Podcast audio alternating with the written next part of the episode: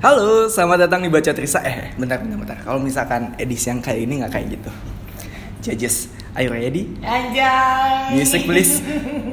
Time. My name is Jamie and this is Baca Trista. Aduh, malu mbak gak kesampaian. Ini mau ikutan kompetisi, jadi juri pun gagal ya kan. Oke, memang jodohnya di sini, main di podcast. Halo Mbak Mira, apa kabar? Baik dong.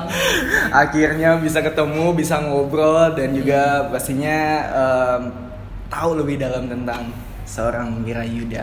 Anjay. Mbak, Mbak Mira sekarang sibukannya ngapain aja nih Mbak? Ya gini deh kayak tadi Jamie lihat ngantor Hmm. dari Senin sampai Jumat Hmm. jam 8 sampai jam 5, kadang-kadang sampai jam 6, kadang-kadang sampai jam 7 loh gitulah pokoknya ngantor aja. Wow, Mm-mm. itu kalau misalkan cara ngebagi waktu Mbak sendiri antara ngantor nih Mm-mm. dan juga untuk mungkin kegiatan lain seperti ngejuri Mm-mm. dan lain sebagainya itu gimana cara ngatur waktunya Mbak?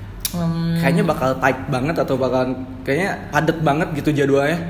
kebenaran sih kalau belakangan ini enggak karena uh, udah mulai ngurang-ngurangin ngejuri Hmm, jadi hmm. uh, apa namanya ya karena kan juga di kantor ini sendiri kita udah ada ada juga beberapa tim yang juga juri kan Hmm. jadi uh, lebih banyak uh, didelegasiin lah gitu jadi bagi-bagi waktu untuk yang lain gitu Uh, ditambah lagi semenjak kita diakuisisi sama Bon Cafe dua tahun lalu itu eh, kerjaannya udah makin banyak gitu Oke. ya udah paperwork semua lah gitu jadi Hmm. mau nggak mau ya harus agak-agak eh, kurangin lah eh, kegiatan di juri-juriannya Oh, gitu. oke. tapi eh, masih sih so far masih. Yang pasti sih eh, di asosiasi juga barista guild masih Hmm.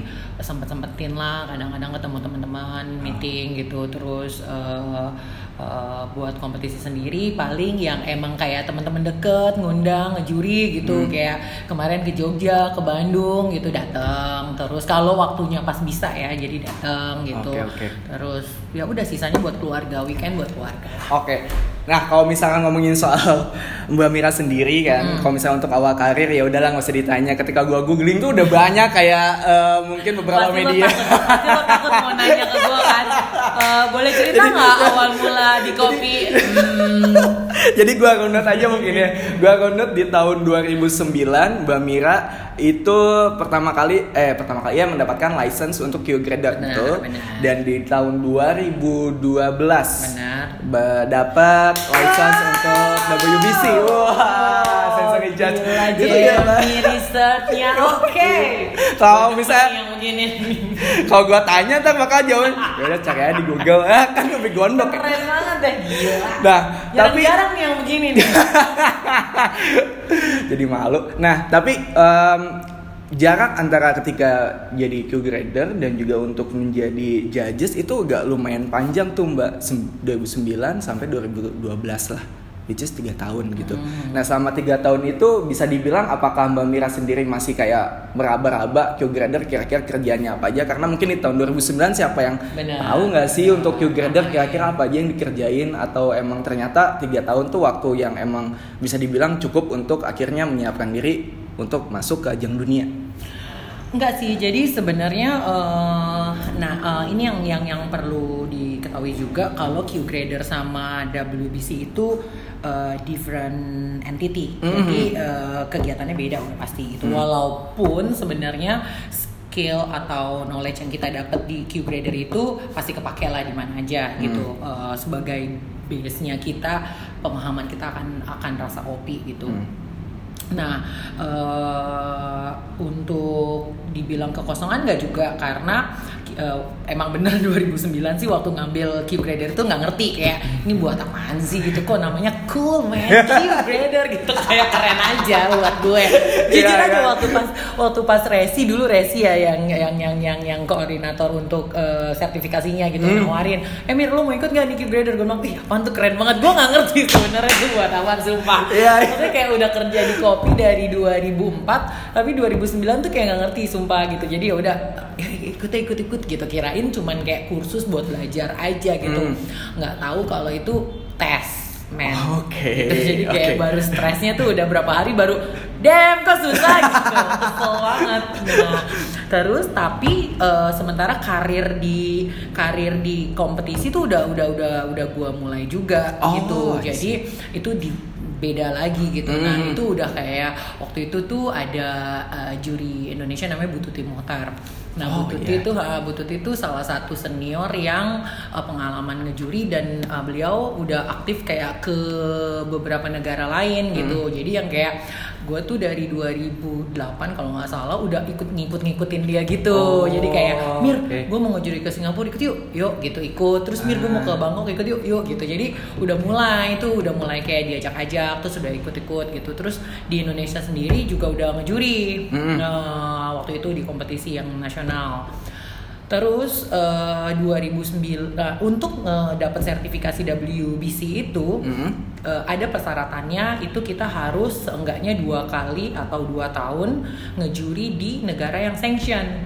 Oke. Sementara Indonesia belum sanction saat itu. Ah. Jadi gue harus punya uh, pengalaman dulu ngejuri di negara lain gitu. Mhm. Nah, jadi uh, dari 2009 itu udah mulai lah gitu kayak uh, mulai apply apply ngejuri di Singapura, di Bangkok kayak gitu-gitu. Terus 2000 sebenarnya di 2010 itu udah bisa apply. Hmm. Tapi gue menikah dan hamil. Oh, Jadi oke. eh, menikahnya di akhir 2010. Mm-mm. Habis itu hamil 2011 ngelahirin. Jadi Hmm. bener-bener vakum gitu. Oh, oke. Vakum dari kompetisi gitu. Jadi eh masih pas hamil masih ngejuri tapi Hmm. eh, technical aja gitu Hmm. di di Indonesia ya di di lokal gitu. Terus eh, baru pas 2012 tuh lagi menyusui ada sertifikasi ke nah terus satu lagi kendalanya adalah saat itu sertifikasi juri itu rata-rata di negara yang jauh-jauh jam Oh. pasti dong kosnya mahal Iya, ya iya, kan? iya. gitu. Terus eh, ya semuanya lah mahal banget gitu. Nggak susah agak susah lah gitu. Jadi eh, 2012 pas kebenaran ada di Singapura sertifikasinya Oh, yang deket. Ah, deket Iya. dong jadi gue apply ke bos boleh nggak nih ikut Hmm. Eh, pengen ikut ini gini gini gini gini oh ya udah gue head ya udah jadi 2012 pergilah ke Singapura Hmm. tes dan alhamdulillah langsung lulus gitu jadi makanya kenapa baru dapat si sertifikasi ini di 2012 Ah, I see. Nah, berarti bisa dikatakan ketika di tahun 2009, Mbak Mira sendiri tuh kayak belum terlalu concern ya sama isi industri ini sampai akhirnya mungkin maksudnya tuh ketika 2009 Mbak Mira pun masih belum paham ini Q grader tuh apa gitu Oh. dia cuman sebatas keren atau sebenarnya di 2009 itu titik di mana Mbak Mira udah kayak em, kayak udah cinta sama industri ini sama kopi Eh, keseluruhan. Oke, kalau kalau Q grader sih eh, begitu udah join sih akhirnya akhirnya paham Iya, di dalam paham. kelas itu akhirnya paham gitu. Ah. Tapi kalau titik balik gue di dunia kopi itu sebenarnya bukan justru pas Q grader, Bukan pas justru di 2008. Oh, 2008. Ah, jadi jadi dulu tuh di 2008 tuh eh, sorry ya. Iya. Jadi di 2008 itu tuh dulu eh, kita tuh lagi ngumpul-ngumpulnya orang-orang kopi Ah. di industri kopi kan kecil ya waktu maksudnya orangnya itu itu aja di specialty kan. Jadi cuma ada beberapa orang lah yang sampai sekarang kita alhamdulillah masih good relationship banget lah sama, Mhm. sama semua semua orang-orang ini gitu. Jadi di 2008 itu kita mulai kumpul-kumpul, kita suka bikin acara kayak cupping, muter eh, eh, Wah. apa namanya ming- eh, bulan ini di Caswell, bulan Ah. depan di Anomali, bulan Hmm. depan di eh, Lataza, di mana lagi pindah-pindah gitu. Nah, tuh ngumpul kan sama mereka semua kan. Terus jadi kayak eh, sementara gue kerja di kopi udah di berarti di situ tuh udah 4 tahun ya, Hmm. udah 4 tahun. Tapi gue tuh kadang kalau ngumpul sama mereka kayak Men lu ngomongin apa sih? Gitu. Gue gak paham banget gitu. Terus eh, ketemu Adi ngomongin kopi. Ah oh gitu ya. Gue yang kayak oh gitu ketemu Henry ngomongin mesin. Eh ini mesin paling baru loh. Gini gini gini. Aduh itu ngomongin apa sih semua orang gitu. Jujur. Terus ditambah lagi bener-bener yang bikin gue ngerasa kegampar Saat itu eh, ada Jadi waktu itu tuh Barista Guild of America Lagi ngadain field trip Oke. ke Indonesia. Ah, ah. Uh, field trip ke Indonesia.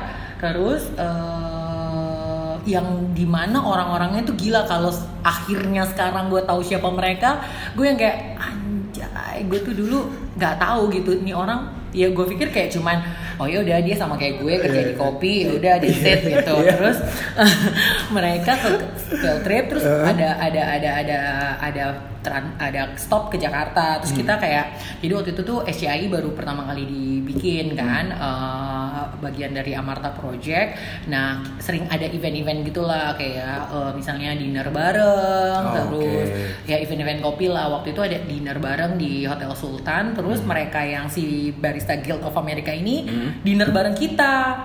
Terus isinya lo tau nggak? Hmm, Jofwatnya Jofwatnya Sweet Maria. Oke. eh Jova tuh di mana ya? Gue karena sampai lupa. Pokoknya Jofwat terus udah gitu eh, si si siapa tuh namanya eh aduh, gue jadi lupa deh. Pokoknya orang-orang keren deh yang gue yang orang intelijensia coffee Oh, baik. yang sekarang udah jadi vice presidennya. Terus Wow. udah gitu eh, si apa lagi eh, Aleko dari mana itu sebentar sebentar tunggu saya saya lupa saya googling dulu Tapi ketika asli. ketika momen itu eh, apa? gue nggak ngerti gue nggak ngerti Nggak jadi ngerti. kayak ini orang siapa ya Eh apa ini orang siapa ya gitu terus mereka ngobrol kan terus Hmm. kita ngobrol yang Hmm. kayak pas kebenaran Resa sama gue tuh kayak duduk bareng Hah?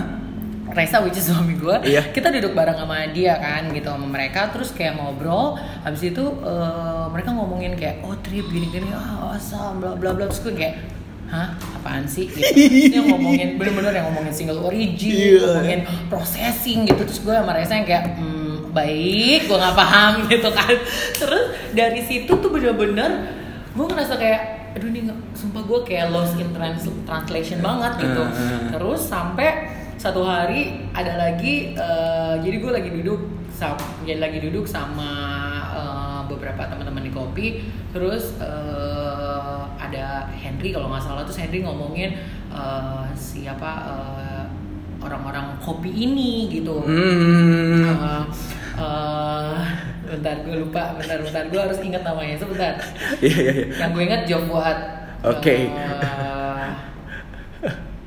sebentar sebentar dia tuh sampai eh, ngomong ini kan si ini gue terus gue yang kayak gini hmm, gue pernah ketemu gue gitu dengan muka datar dengan muka datar terus gini hah lu nggak tahu dia siapa enggak gue gitu sumpah Henry masih kaget. Sumpah. Hah? gitu terus ada ada ada ada salah satu teman kita juga itu Pak He- Pak Heri itu Eh. ownernya Cafe Latasa terus Hmm. gini iya kita udah pernah ketemu dia pernah cutting di cafe gue gitu kan ada Aleko Eh, dia pernah cutting di cafe gue gitu terus kita kayak iya bener emang dia siapa? Gitu. Itu tuh ini ini ini ini dia tuh barista champion dia tuh ini. Oh gitu. Terus kayak oh sumpah nah dari situ tuh kita kayak men ternyata industri kopi tuh segini kerennya gitu segini menariknya gitu. Terus akhirnya gue kayak dari situ titik balik gak berhenti buat belajar gak berhenti jadi pengen tahu bahwa dunia kopi tuh dinamis banget. Lo nggak bisa berhenti eh, kalau lo masih di industri ini kalau lo ngerasa lo tahu segalanya eh, berarti lo salah gitu. Berarti lo nggak update gitu. Karena selalu ada hal yang baru gitu. Besok gue ngomong lagi contoh deh sekarang gitu gue jadi juri nih duduk duduk jadi juri. Misalnya sensori. Terus si baristanya presentasi ngomongin ngomong kayak contoh deh misalnya kayak tiga tahun lalu baru dikenalin uh, carbonic maceration. Dalam hati gue cuman ah opo iki gitu kan. Kayak apa sih? Gitu kan. Jadi gue dengerin hal yang baru. Nah itulah akhirnya yang bener-bener kayak ngedrive gue buat eh, gue suka banget kompetisi karena di situ ajang gue belajar gitu gue Hmm. ngedengerin barista presentasi juri itu bukan yang tahu segalanya Iya iya. Eh, tapi eh, juri juga belajar dari barista yang lagi presentasi dengerin presentasi mereka gitu Hmm. terus Q grader sendiri eh, juga ngasih kita bekal banget gitu loh bahwa eh, rasa tuh begini begini begini gitu Hmm. Eh, oke yang kita cari kompleksitasnya misalnya kayak gitu gitulah Hmm. jadi eh, itu sih yang bikin terus-terusan eh, pengen belajar Nah, gitu eh, ini eh, pertanyaannya lebih ke eh, teknikal mungkin. Oke. Kalau menurut Mbak Mira sendiri untuk menjadi seorang juri apakah Q grader itu merupakan bekal yang emang beneran dibutuhin untuk yang sekarang atau sebenarnya mereka berdua profesi ini tuh nggak saling berketergantungan satu sama lain antara Sebenarnya enggak. dan juga si Hmm, enggak, enggak, sih. enggak, karena Enggak ya? itu itu beda beda eh, beda entity, beda beda beda kegiatan. Hmm. Uh, Q-grader itu uh, ya kita untuk evaluasi kopinya gitu kan. Hmm. Evaluasi kopi sama sih sebenarnya kompetisi juga tapi kan kompetisi itu uh, uh, banyak gitu variabelnya kayak uh, technical mesin, terus udah gitu eh, technical barista, terus misalnya uh, uh, signature drink segala Hmm. macam. Nah, uh, Q grader itu mengevaluasi si kopinya sendiri dari dia green sampai dia uh, di cupping gitu. Hmm. Jadi uh, sebenarnya ini satu hal yang berbeda. Lu mau jadi juri WBC misalnya, Hmm. lu nggak harus jadi Q grader. Ah. Lu mau jadi Q grader lu nggak harus juri Hmm. gitu. Tapi satu hal yang gue dapet dengan gue menjadi Q grader terus gue kemudian menjuri, gue punya banyak vocab vocab vocab yang gue udah pahamin. Ah, iya iya iya. Jadi gue waktu gue menjelaskan, waktu gue mengevaluasi, gue paham banget kayak misalnya, oh ini tuh dry finish, Hmm. oh ini tuh eh, balance, Hmm. oh ini tuh punya kompleksitas yang tinggi asamnya, oh ini tuh citric acid, oh ini tuh eh, malic acid kayak gitu. Jadi dengan gue jadi Q grader, at least gue punya basic eh, itu gitu, gue punya wawasan yang lebih untuk saat gue duduk sebagai juri Ah, gitu. oke, nah oke, kalau oke. tadi pertanyaannya misalnya kayak untuk untuk untuk untuk yang siapa untuk yang eh, profesi-profesi yang lain di kopi Hmm. menurut gue sih gak harus Q grader Hmm. Maksudnya nggak harus dapat sertifikasi Q grader tapi harus punya basic sensory Hmm. itu yang selalu gue bilang di setiap ke semua orang maksudnya kayak eh, jadi barista jadi roaster apalagi jadi eh, apalagi jadi QC ya Oh, kan iya, iya, iya. Eh, jadi trainer gitu sales eh, sem- teknisi semua yang di di eh, profesi yang di industri ini itu semua basicnya pasti sensori kayak Hmm. contoh deh yang mungkin lo nggak pernah sangka teknisi emang harus ngerti rasa kopi iya dong waktu dia misalnya nge nge service mesin eh, nge adjust beberapa pa- parameter gitu kan dia cobain juga kopinya ini udah bener atau enggak kayak gitu Iya, iya, terus iya. barista waktu dia dialing ya, pagi-pagi nah kayak lo akhirnya lo sakit Iya kan? Iya, iya, Kayak iya. roaster apalagi gitu. Betul, Jadi betul. makanya kenapa menurut gue sih eh, harus punya basic cupping tadi. gitu. Mhm. Kalau misalnya emang ada jalannya dan eh, apa bisa effort seba apa untuk ambil sertifikasi ya lebih baik lagi. Iya iya iya. Berarti emang bisa dibilang ya lidah dan juga mulut itu adalah bekal pe- Kunci, bekal betul kunci. Tapi buat nyobain espresso sama kopi ya, bukan buat Buat cuman nah. modal bacot doang ya. eh tapi jangan salah ada ada ada hubungannya loh. Oh, ada hubungannya. Cuan dong. Oh iya betul Ini kayak ini sekali. contohnya loh. Oh iya iya iya iya. iya. Gimana ngambil celahnya ya? Ah, betul betul betul. Nah, masuk. Throwback sekarang. Mungkin di tahun 2004 ya. Di tahun 2004 gue baca beberapa artikel nih mbak. Em, waktu dulu tuh gue agak sedikit ada kalimat yang gue highlight. Manager band. Ini Nah. typo apa apa bener nih maksudnya kan bisa manajer brand gitu kan. Ini manajer band. Yes. Oh oke, ini sesuatu yang menarik nih. Bagaimana ceritanya seorang manajer band bisa sampai akhirnya Baik. masuk Baik, ke baik. Ya kopi? jadi gue tuh dulu gue emang suka banget musik lah, maksudnya sampai sekarang gitu. Hmm. Eh, eh, background keluarga juga musik, bokap, Hmm. bokap emang kerja di radio, di musik gitu. Jadi maksudnya keluarga kita tuh emang emang emang musik banget lah gitu. Oke, Terus eh, di 2000 jadi zaman zaman baru lulus SMA Heeh. itu udah udah jadi dulu sih sebenarnya gara-garanya nggak sengaja eh, mantan pacar itu anak band Oh alah. terus bantuin Iya. bandnya dia sebenarnya bantuin bandnya dia Hmm. Eh, eh, kayak cuman bik- eh, bikinin agendanya mereka lah latihan manggung kapan kayak gitu-gitu. Terus nggak sengaja eh, kita suka pakai studio salah satu studio di Menteng. Hmm. Nah, si ownernya studio ini tuh jadi kenal kenal kenal eh, suka lihat suka lihat terus kenal kenal kenal akhirnya nawarin Damir lo ngapain lo ngurusin band gitu doang? Gak ada duitnya lo dimanfaatin sama cowok lo gitu. Terus Akhirnya tersadar, oh iya juga. Iya juga ya sialan gitu. Kan gratisan gue gitu.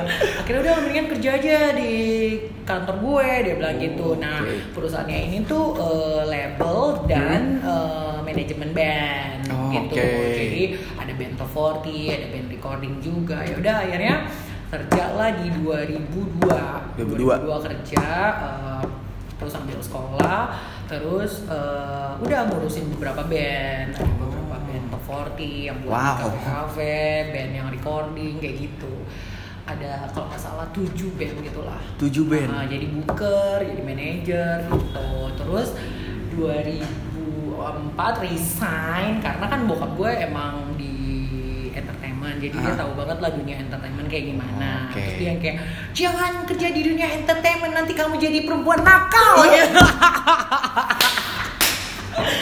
gue yang kayak baik Oke, gitu.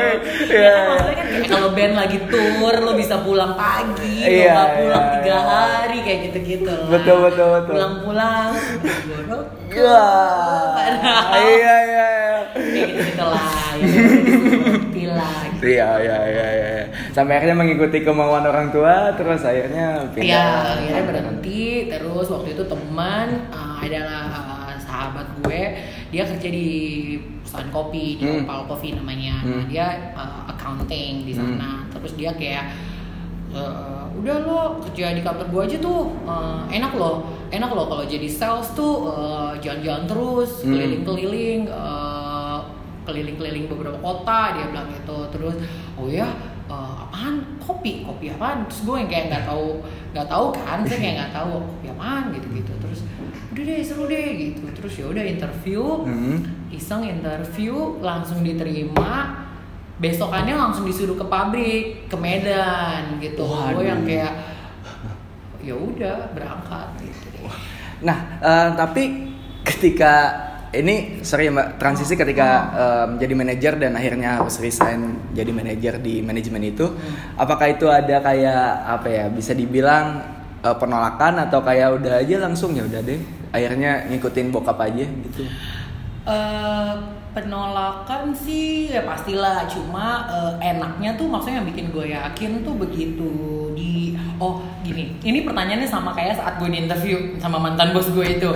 Dia Oke. cuma nanya gini doang. Dia ngeliat CV gue terus kayak "Hmm, kamu nggak ada pengalaman di F&B nggak ada pengalaman di kopi. Hmm. how come lo nge-apply jadi sales di perusahaan kopi? Dia bilang gitu. Nah tapi sebelumnya gue dari riset riset kayak eh, oh perusahaan ini jual kopinya ke mana ke mana ke mana gitu Hmm. dan di mana gue jual band gue juga ke kafe ke hotel Hmm. jadi kayak beberapa hotel gue udah tahu siapa yang harus gue temuin gitu Oke. jadi begitu dia bilang begitu gue jawab "Hmm, sebenarnya eh, market band gue sama sama market kopi lo gue bilang Oh, oke. gue juga jual band gue ke kafe-kafe dan ke hotel gue bilang Ah. gitu terus terus dia langsung oke lo diterima Keren banget gak tuh Ini yang maksudnya tadi ya, Barista juga harus bisa membaca. Benar, Betul, betul, betul, betul. Udah akhirnya benar yang bikin gue nggak penolakan tuh karena gini satu eh, sama. Jadi gue gue nggak nggak menemukan kesulitan secara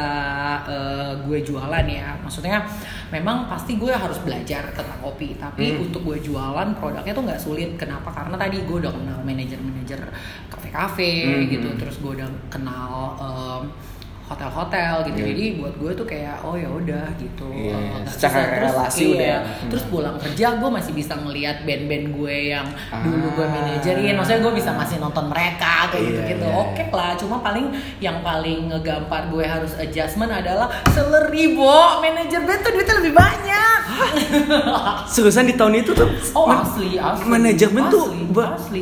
Karena zaman dulu kan em, masih zamannya lagi band top 40 lagi keren-kerennya jam.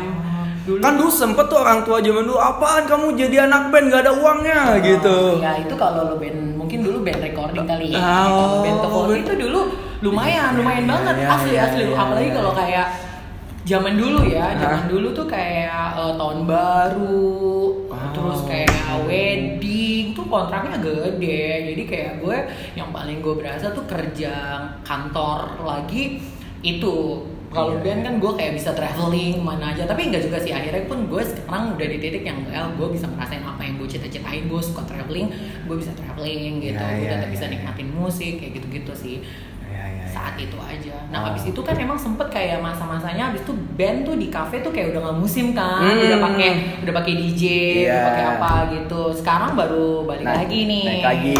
ya gitu Oh, Oke. Nah ngomongin soal traveling berarti kita ngomongin soal juri lagi. Ketika pertama kali menjadi em, juri untuk WBC, kayaknya nggak akan eh, plong kalau misalkan nggak ngebahas soal tongsis juga.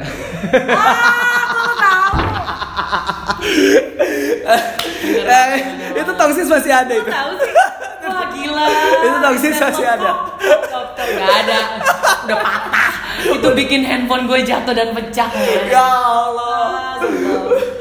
Iya, iya, iya, iya, gitu dia. Jadi dulu pas di pertama kali ngejuri tuh ya Ya. di di di di, di mana di Rimini. Rimini ya Italia. itu kayak asli itu yang kayak beberapa orang yang yang ngelihat gue bawa tongsis tuh malum lah kayak Asian maksudnya dianggap kayak norak lo gitu abis ya semua orang kayak for real langsung teriak-teriak gitu gue gue yang bodo amat gue yang bodo amat karena maksud gue tuh kayak lo ngerti lah gue gue yang bisa ketemu pertama kali amin James Hoffman Iya, gitu iya, iya. ah siapa lagi gue mintain foto gitu-gitu terus semua orang tapi dari situ akhirnya semua orang yang kayak kenal eh, nggak semua orang sih. Jadi notice juga. beberapa juri yang kayak "Hmm, mana mana selfie stick lo gitu. Biar kayak udah ada tongsis. Berikut bertahun-tahun berikutnya udah nggak seru lagi jadinya ada yang bawa hmm oke nggak Oh, nggak iya, iya. orang-orang Lumayan lah gimmick buat kedatangan Yoi, pertama kali ya. Iya dong. Gue cari-cari muka Diki. Iya, iya. Tapi ketika pertama kali pasti gue emang waktu jangankan Mbak Mira mungkin ya untuk yang kelas dunia waktu gue pun ketika masih ser- eh, kelas sertifikasi di sini tegangnya bukan main ternyata jadi juri. Hmm. ternyata emang begitu ya. Mungkin mungkin orang-orang di luar sana kayak ya lah juri mah tinggal nyobain minum doang ya udah nilai nilai nilai udah beres aduh tegangnya tuh kayaknya Tegang lah, sama pastilah pastilah. Sama kayak peserta maksudnya nggak cuma peserta yang tegang juri juga. Maksudnya gue pun sampai detik ini setiap setiap gue baru mau mulai ngejuri gue pasti nervous. Di kompetisi mana pun. Ah. pasti. Eh, menurut gue dan beberapa teman sih kita discuss itu normal. Normal. Ah, iya, kalau iya, lo nggak iya. nervous lo nggak normal. Karena artinya lo terlalu mengabaikan atau mengunderestimate kompetisi atau kompetitor tersebut gitu. Jadi Oke. harusnya sih ya normal ya. Apalagi Mhm. kayak kalau gue sih jujur aja yang bikin gue tambah nervous itu gue tuh sebenarnya gue tuh orangnya kalau kata orang Sunda apa ya seredek lo tau gak sih? Kayak gue tuh seredek. Rusuh rusuh jadi gue tuh Ah. bisa kayak nyenggolin jatuhnya. Nyokap gue suka kesel banget kalau gue minum tuh masih ada yang netes jatuh gitu. Terus kayak sampai sekarang loh sampai suami gue aja kadang-kadang eh gitu. nah itu yang paling gue takut gue takut kayak my god gue lagi berdiri atau duduk di depan dia Iya gue juga, iya. nyenggol lu lihat sendiri peralatan barista Iya. ya kan Iya, iya, kayak iya, sebagus iya. itu detail mewah gitu aduh gue takut banget itu kadang-kadang itu yang gue bikin takut sih Tapi sam- sampai sekarang alhamdulillah belum pernah kejadian ya untuk Oh. seredeknya itu. selama ngejuri sih alhamdulillah jangan sampai amin amin, Iya, amin, iya, amin. iya, iya. tapi gue pernah sekali pas sertifikasi juri. Sertifikasi. Iya, gue ingat banget itu dua ta, 2012 eh 2012 eh kok 2000 ya benar 2012 iya kan Mbak Mira dapat. ya. Nah, 2012 gue sertifikasi itu yang ngesertifikasiin gue Mike Yang sama eh aduh, gue lupa nama tuh cewek. Itulah pokoknya. Terus eh, gue gue tuh nervous banget takut sumpah takut gitu eh, kayak aduh gila nah abis tes tulis tes sensori terus kita ada tes praktek hmm. itu sepele banget jam itu cuma bikin 4 Ah. shot espresso kelar Oh, nggak ada bikin apa-apa lagi Oke, sumpah oke, oke. nggak ada bikin apa 4 shot espresso Oke, nih. oke, oke. tapi yang namanya nervous ya Kedengarannya gampang sih. kedengarannya gampang ya kan lu Iya. tau nggak apa yang gue lakuin gue nyenggol semua barang jatuh portal filter jatuh temper jatuh terus di situ ada jug segala macam emang disiapin tapi ternyata kita nggak bikin meal Hmm. itu gue belum bikin apa-apa gue cuma baru ngelepas porta dari grup head gue jatuhin semua barang Gimana? Gila, gila gimana maksudnya gue kayak langsung bener-bener Aduh. kaku otak gue terus si Mike yang datang ke gue easy easy Mira can start Anjir, gue kayak oh takut banget sumpah Aduh. Nah, itu sekali sih itu. Eh, Tapi aman pada akhirnya kan ya. alhamdulillah gila, gila. Tapi selama eh, ngejuri nih Mbak, total dari pertama kali ngejuri sampai hari ini mungkin kira-kira ada satu atau dua kejadian yang mungkin mbak nggak bisa lupain selain yang Banyak. banyak ya Banyak. banyak. Gelap di luar jam ternyata Iya. banyak banyak banyak Eh, banyak sih. Tiap tahun pasti ada lah yang Tiap berkesan. tahun pasti ada. berkesan lah. Kalau gue ceritain di sini nanti banyak banyak banyak banyak sih. Kira-kira Kayak- ada satu nggak? Hmm, di tahun kemarin deh yang mungkin masih masih masih baru gitu. Eh, yang berkesan apa ya yang kira-kira unik atau enggak yang untuk level dunia level world gitu gue pernah sekali sih yang karena gue waktu itu masih newbie hmm. gue lupa 2012 apa 2013 ya gue ngejuri di oh belum oh belum belum belum gue belum certified judge kayaknya nih oh, Hmm. gue lupa nih 2012 kali ya gue ngejuri di Singapura itu Oke. dulu jadi dulu tuh ada kompetisi AC Asia ASEAN Barista Championship Hmm. itu terma ASEAN apa gue lupa deh pokoknya eh, itu termasuk Australia oke pesertanya itu Sasa Sestik, tapi belum Sasa Sestik se- terkenal sekarang. Oh, oke. Sebelum dia jadi The Coffee Man. jadi di- kan lu tahu sendiri dia kalau ngomong, dia kalau ngomong tuh eh, Aussie banget yang Hmm. yang yang eh, Artikulasinya. Iya begitu, Hmm. plus eh, mulutnya dia tuh kebukanya sedikit banget kayak Hmm. gitu. Nah, gue makin gak ngerti lagi gitu, makin gak ngerti terus pelan gitu gue nggak paham banget kayak dia ngomong apa lagi nih wah beri aku pertolongan gitu gue kayak cuma deg-degan deg-degan di hati gue iya juga ya kan harus nyatet juga ya Sumpah, sumpah gue harus kan. nyatet, gue harus gue harus ikutin protokol Iya, yang dia kasih iya, iya, tahu iya. gitu kan. Iya. Terus gue duduk jadi sensori ketiga, gue inget banget Hmm. tuh ketiga. Nah, Terus eh, dia ngasih gue espresso sama eh, sebelah gue. Hmm. Gue udah langsung ngambil dulu tuh espresso masih eh sorry sorry. Eh nggak bener espresso espresso bener Hmm. espresso bukan milk bukan espresso. Gue langsung ngambil sendok Hmm. mau gue setir. Ah. Padahal dia ngomong "Do- uh, don't uh, don't evaluate just yet. oh Jadi disuruh diemin dulu beberapa lama sampai nunggu direction dari dia. Ah. Gue langsung ngambil sendok, Oke. gue aduk tuh kopinya kan, mati lah terus dia datang ke gue, bek di depan muka gue. Oke, oke. Terus sorry, please don't evaluate just yet kata dia gitu. Gue bener-bener depan muka gue yang kayak digamparin lo ngerti gak kayak oh my god gitu. Terus langsung gue taruh gue senyum doang, gue senyum doang gitu. Terus yang kayak gemeter tangan gue dingin sampai ubun-ubun kepala gue udah oh my god gitu. Terus balik head judge gue biasa lah pasti negor lah gitu kan. Iya, iya. "Uh, what you doing Mira? gitu. Gue udah kayak hmm, sorry sorry sorry. Ya ya ya sorry. Gitu, udah. Dan sampai detik ini eh, tiap gue ketemu Sasa Sestik dia inget muka gue. Itu malu banget sumpah. Jadi yang diinget di muka dia Don't gue adalah orang gue adalah orang yang membuat yang bikin presentasi dia jadi kayak gitu. Jadi gue kayak tapi beneran sumpah gue kayak oh my god. Jadi gue tuh 2000 jadi abis itu tuh kalau nggak salah itu 2000 2012 deh bener 2012 2013 gue ke Rimini. Hmm. 2014 gue ngejuri di Seattle. Ah, nah, oke. si Sasa tuh menang yang di Seattle, Seattle, ah, 2014 benar ya. Aha. Begitu abis, jadi di 2014 itu kalau zaman sebelumnya juri sama peserta itu nggak boleh ketemu. Oh, juri nggak oke. boleh ketemu sama peserta benar-benar dipisahin. Aha. Tapi di tahun itu untuk pertama kalinya justru kebalik, juri sama peserta abis kalibrasi disuruh mingle, tapi nggak boleh ngomongin tentang teknis kompetisi, tapi kita harus saling mengenal satu sama lain, maksudnya kayak ngobrol apa-apa. Jadi kita Oh, oke. dijadiin satu nih di satu ruangan Hmm. gitu. Ketemulah gue sama nih Muke ya kan, terus gue dari jauh, shit ini orang gitu kan hati gue udah kayak Damn, semoga dia nggak inget sama gue. Semoga dia nggak inget sama gue. Semoga dia. Terus dia tiba-tiba dari jauh senyum. Eh. Itu kan dia belum. ya mungkin sekarang dia udah lupa kali ya sama gue ya. Saya nggak penting kan dia udah jadi star ya kan.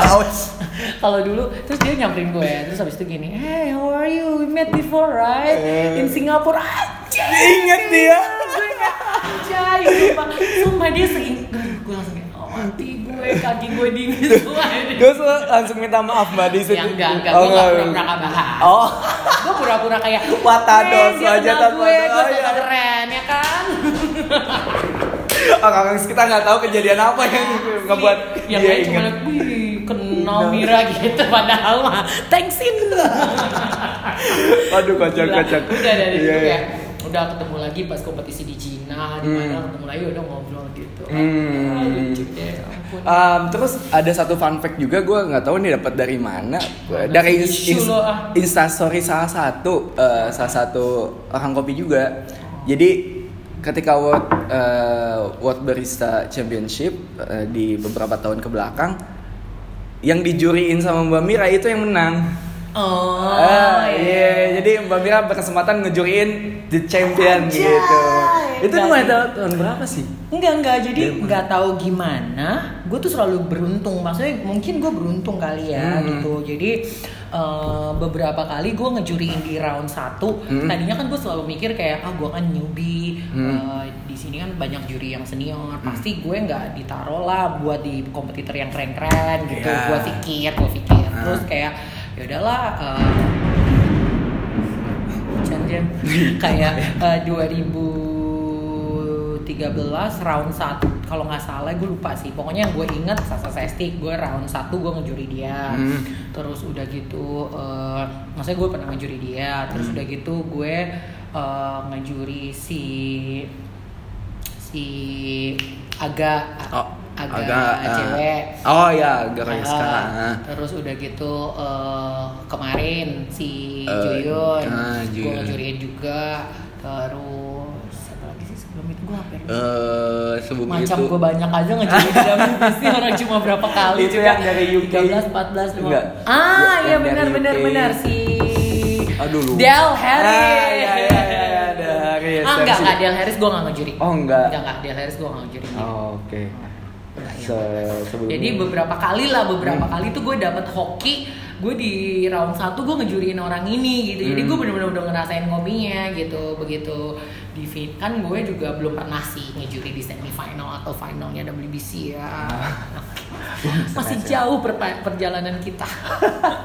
Jadi ya ya gitu. Jadi eh, ya nggak berkesempatan ngejuri di final, semifinal. Untungnya udah nyobain di round 1 Ah, oke, gitu. oke. Uh, nah, sekarang kita dari juri ngomongin soal kompetisi. Mhm. Uh, mungkin untuk kompetisi nasional sendiri yang Mbak Mira ngelihat ketika pertama kali ngejuriin sampai Mhm. dengan sekarang, perubahan yang paling dirasain entah itu positif atau negatif? Positif lah aja. udah pasti Positif. Oh, positif banget Positif kebanyakan. banget. Gue pertama kali ngejuri 2008. 2008. Sampai sekarang eh, sampai terakhir 2019 jauh banget jam. Hmm. Satu dari segi rasa kopi. Mhm. Kedua skillnya baristanya. Oke. Itu jauh banget, jauh banget. Yang paling menonjol tuh ya yang yang yang mungkin semua orang rasain lah Mhm. perubahan industrinya lah ikut gara-gara kompetisi contoh misalnya green bean Mhm. kualitasnya ya kan Mhm. kita udah banyak nemuin kopi-kopi Indonesia sekarang yang pakai uh, metode proses skill barista ya. Jadi kayak uh, uh, industri ya. Maksudnya Hmm. bisa lihat sendiri kayak banyak kopi-kopi uh, dari Indonesia yang um, prosesnya unik-unik. Mhm. karena makin banyak. Mhm. yang rasanya makin meriah lah gitu ya kan. Makin banyak. Terus juga roster-roster juga sekarang uh, banyak uh, yang develop kopi-kopi buat kompetisi Yeah. gitu terus uh, uh, barista juga ya dengan pencapaian kita setiap tahun di di di Indonesia maupun apalagi di WBC contoh kayak tahun kemarin Miki bisa sampai posisi 4 ya itu benar-benar sangat signifikan Hmm. Iya, ya iya. kan achievementnya Betul, kita gitu jadi Setuju. udah jauh banget jam zaman dulu tuh kita kayak masih masih yang kayak barista eh, kopinya yang udah eh, bau apek udah dua tahun setahun digoreng gitu. Beneran. Jadi kita yang kayak hmm, baik. Itu perut aman tuh ketika jadi juri di tahun 2008. Ya, dulu sih dulu sih masih ngerasa sok keren aja. Oh, iya. kayak, oke baik kita minum gitu. Masih yang kayak gitu. Kalau sekarang sih mohon maaf aja deh. Aduh, udah tak sanggup. tak sanggup Oke oke oke. Oh ini ada ada sedikit pertanyaan intermezzo sih, Mbak Mbak Mira kan sekarang maksud gua untuk di industri kopi ini sendiri siapa sih yang nggak kenal Mbak Mira? Masa? Nah, nah tapi emang Mira itu nama pasaran kok oh iya betul. ada teman gue SMP, ada Nah, SMA, ada nah, SD, nah, ada, nah, lah, nah. ada lah. Nah, eh, tapi pernah nggak ketika mungkin datang ke salah satu coffee shop terus ada mungkin baristanya yang tiba-tiba bilang, aduh saya gak bisa buatin buat mbak takut nggak enak lain sebagainya. Karena waktu itu pernah gue interview Isman. Isman cerita dia ke Jogja kalau nggak salah dia mau ngopi tapi si barisannya nggak mau buatin buat Isman karena si barisannya tahu siapa si Isman. Terus kayak aduh enggak Aduh, deh gue daripada datang tuh bikin apa? Apakah mbak pernah ngalamin hal yang sama mungkin? Eh, alhamdulillahnya sering. Tapi gak ditolak kayak Isman kan. oh, Gue lebih beruntung sih. oh, ber- oh, pada akhirnya mau Gue lebih beruntung cuman lama aja datangnya. Itu sering banget kalau lama dateng kayak kayak "Lu mana sih? Padahal gue cuma mau ngopi, gue Iya. bukan mau jadi juri. Iya, iya, iya. Jadi sering banget kalau Hmm. kayak gue pesan terus eh, nggak datang datang lama terus gue liatin kamarnya kayak Duh, gitu gitu. Terus biasanya sih ya udah kayak udah bikinin aja gitu. Hmm. kalau yang kenal kalau yang biasanya justru malah yang kenal tuh lebih santai sih. Hmm. kalau yang udah tahu maksudnya kenal gitu. Kalau yang enggak nah itu yang kadang-kadang terus bisa datang kayak gimana mbak kopinya? Gimana mbak kopinya? Gitu. Gue kayak hmm, baik. Itu sih paling paling sering. Gue pernah paling lama tuh sampai 45 menit. Ah selesai 45 menit? 45 menit nggak datang datang sampai akhirnya Buset dia kalibrasi ulang itu kayaknya mbak. Asli. Terus dia ngasih gue air putih. Dia bilang mbak minum air putih dulu ya. Eh, karena jujur aja saya belum dapat dapat terus kayak bisa bikin aja nggak? Apa apa gue cuma mau ngopi. Gue belum ngopi hari ini sampai gue gituin. Oh, oke oke. Gue lupa di mana. Iya, iya, iya. aduh ya Allah Aduh berat juga ya Punya title kayak gini ya Agak sedikit berat ketika memang pengen ngopi santai itu jadi aduh apa kenapa lu sih? jangan-jangan jemlong ya Atau iya ya Kalau misalkan dia C, ini ada Mbak Mira boleh ke sini nggak Ci? Ci Angel dipanggil. nah, pertanyaan terakhir untuk sesi yang pertama, mungkin eh, Mbak Mira boleh kasih saran ke teman-teman yang em, mungkin bisa yang pengen menjadi seorang juri juga pada ujung-ujungnya buat judges juga. Kira-kira apa aja yang harus disiapin dan lain Eh, sebagainya. Oke, eh, paling yang pertama maksudnya eh, bahwa nggak ada hal yang maksudnya nggak mungkin lah gitu. Sebenarnya sih di, di industri apa pun ya, kalau kita ngedalemin, eh, insya Allah pasti eh, kita bisa sukses Hmm, gitu. hmm. Paling menurut gue sih kayak eh, eh, ini sih pesan dari bokap gue kalau misalnya emang lo suka akan satu bidang fokusin di situ gitu sampai lo jadi master di situ gitu loh di, di bidang itu gitu. Nah kayak misalnya barista jangan pernah lo ngerasa eh, lo ngerasa kecil cuma gitu misalnya bilang cuma barista cuma apa? Lo nggak cuma lo Enggak. untuk jadi barista itu susah men. Lo rasain sendiri dialing dialing espresso itu susah mau ikut kompetisi itu kayak gimana persiapannya gitu. Itu jadi jangan pernah ngerasa kecil bahwa lo benar-benar harus eh, apa eh, bersyukur bahwa lo udah sampai ke step itu gitu jadi jangan pernah ngerasa sampai sekecil itu gitu jadi Mhm. dalemin sampai lo bisa benar-benar eh, punya jadi seorang master di situ gitu loh jadi jadi jadi jadi yang menguasai lah gitu Hmm. Nah, dan di kopi ini nggak cuma satu bidang, kita punya banyak bidang yang bisa lo dalemin gitu. Eh, lo serius di roaster, lo bisa jadi seorang roaster yang sukses. Lo eh, serius di, di di juri misalnya, lo bisa jadi juri yang sukses. Ya, lo kayak gue misalnya gue nggak pernah mimpi, gue eh, gue mimpi sih itu cita-cita gue, gue bisa keliling dunia gitu. Apalagi gue bisa keliling dunia dibayarin kantor gue dengan gue udah gitu gue ngejuri lagi bisa main bisa jalan-jalan gitu kan maksudnya kayak bonusnya banyak banget gitu eh, dari situ gitu jadi bayangin gitu bisa sampai situ gitu terus kayak contoh misalnya lo da- da- da- jadi jadi jadi instruktur ya kan Hmm. bisa ke mana-mana gitu gitulah banyak lah banyak bidang yang lain jadi eh, be patient aja di situ gitu Oke oke oke sip sip. Thank you Mbak Mira. Cukup sekian untuk sesi yang pertama. Kita lanjut ke sesi selanjutnya. Jangan ke mana-mana. Tetap di Bacot Trista.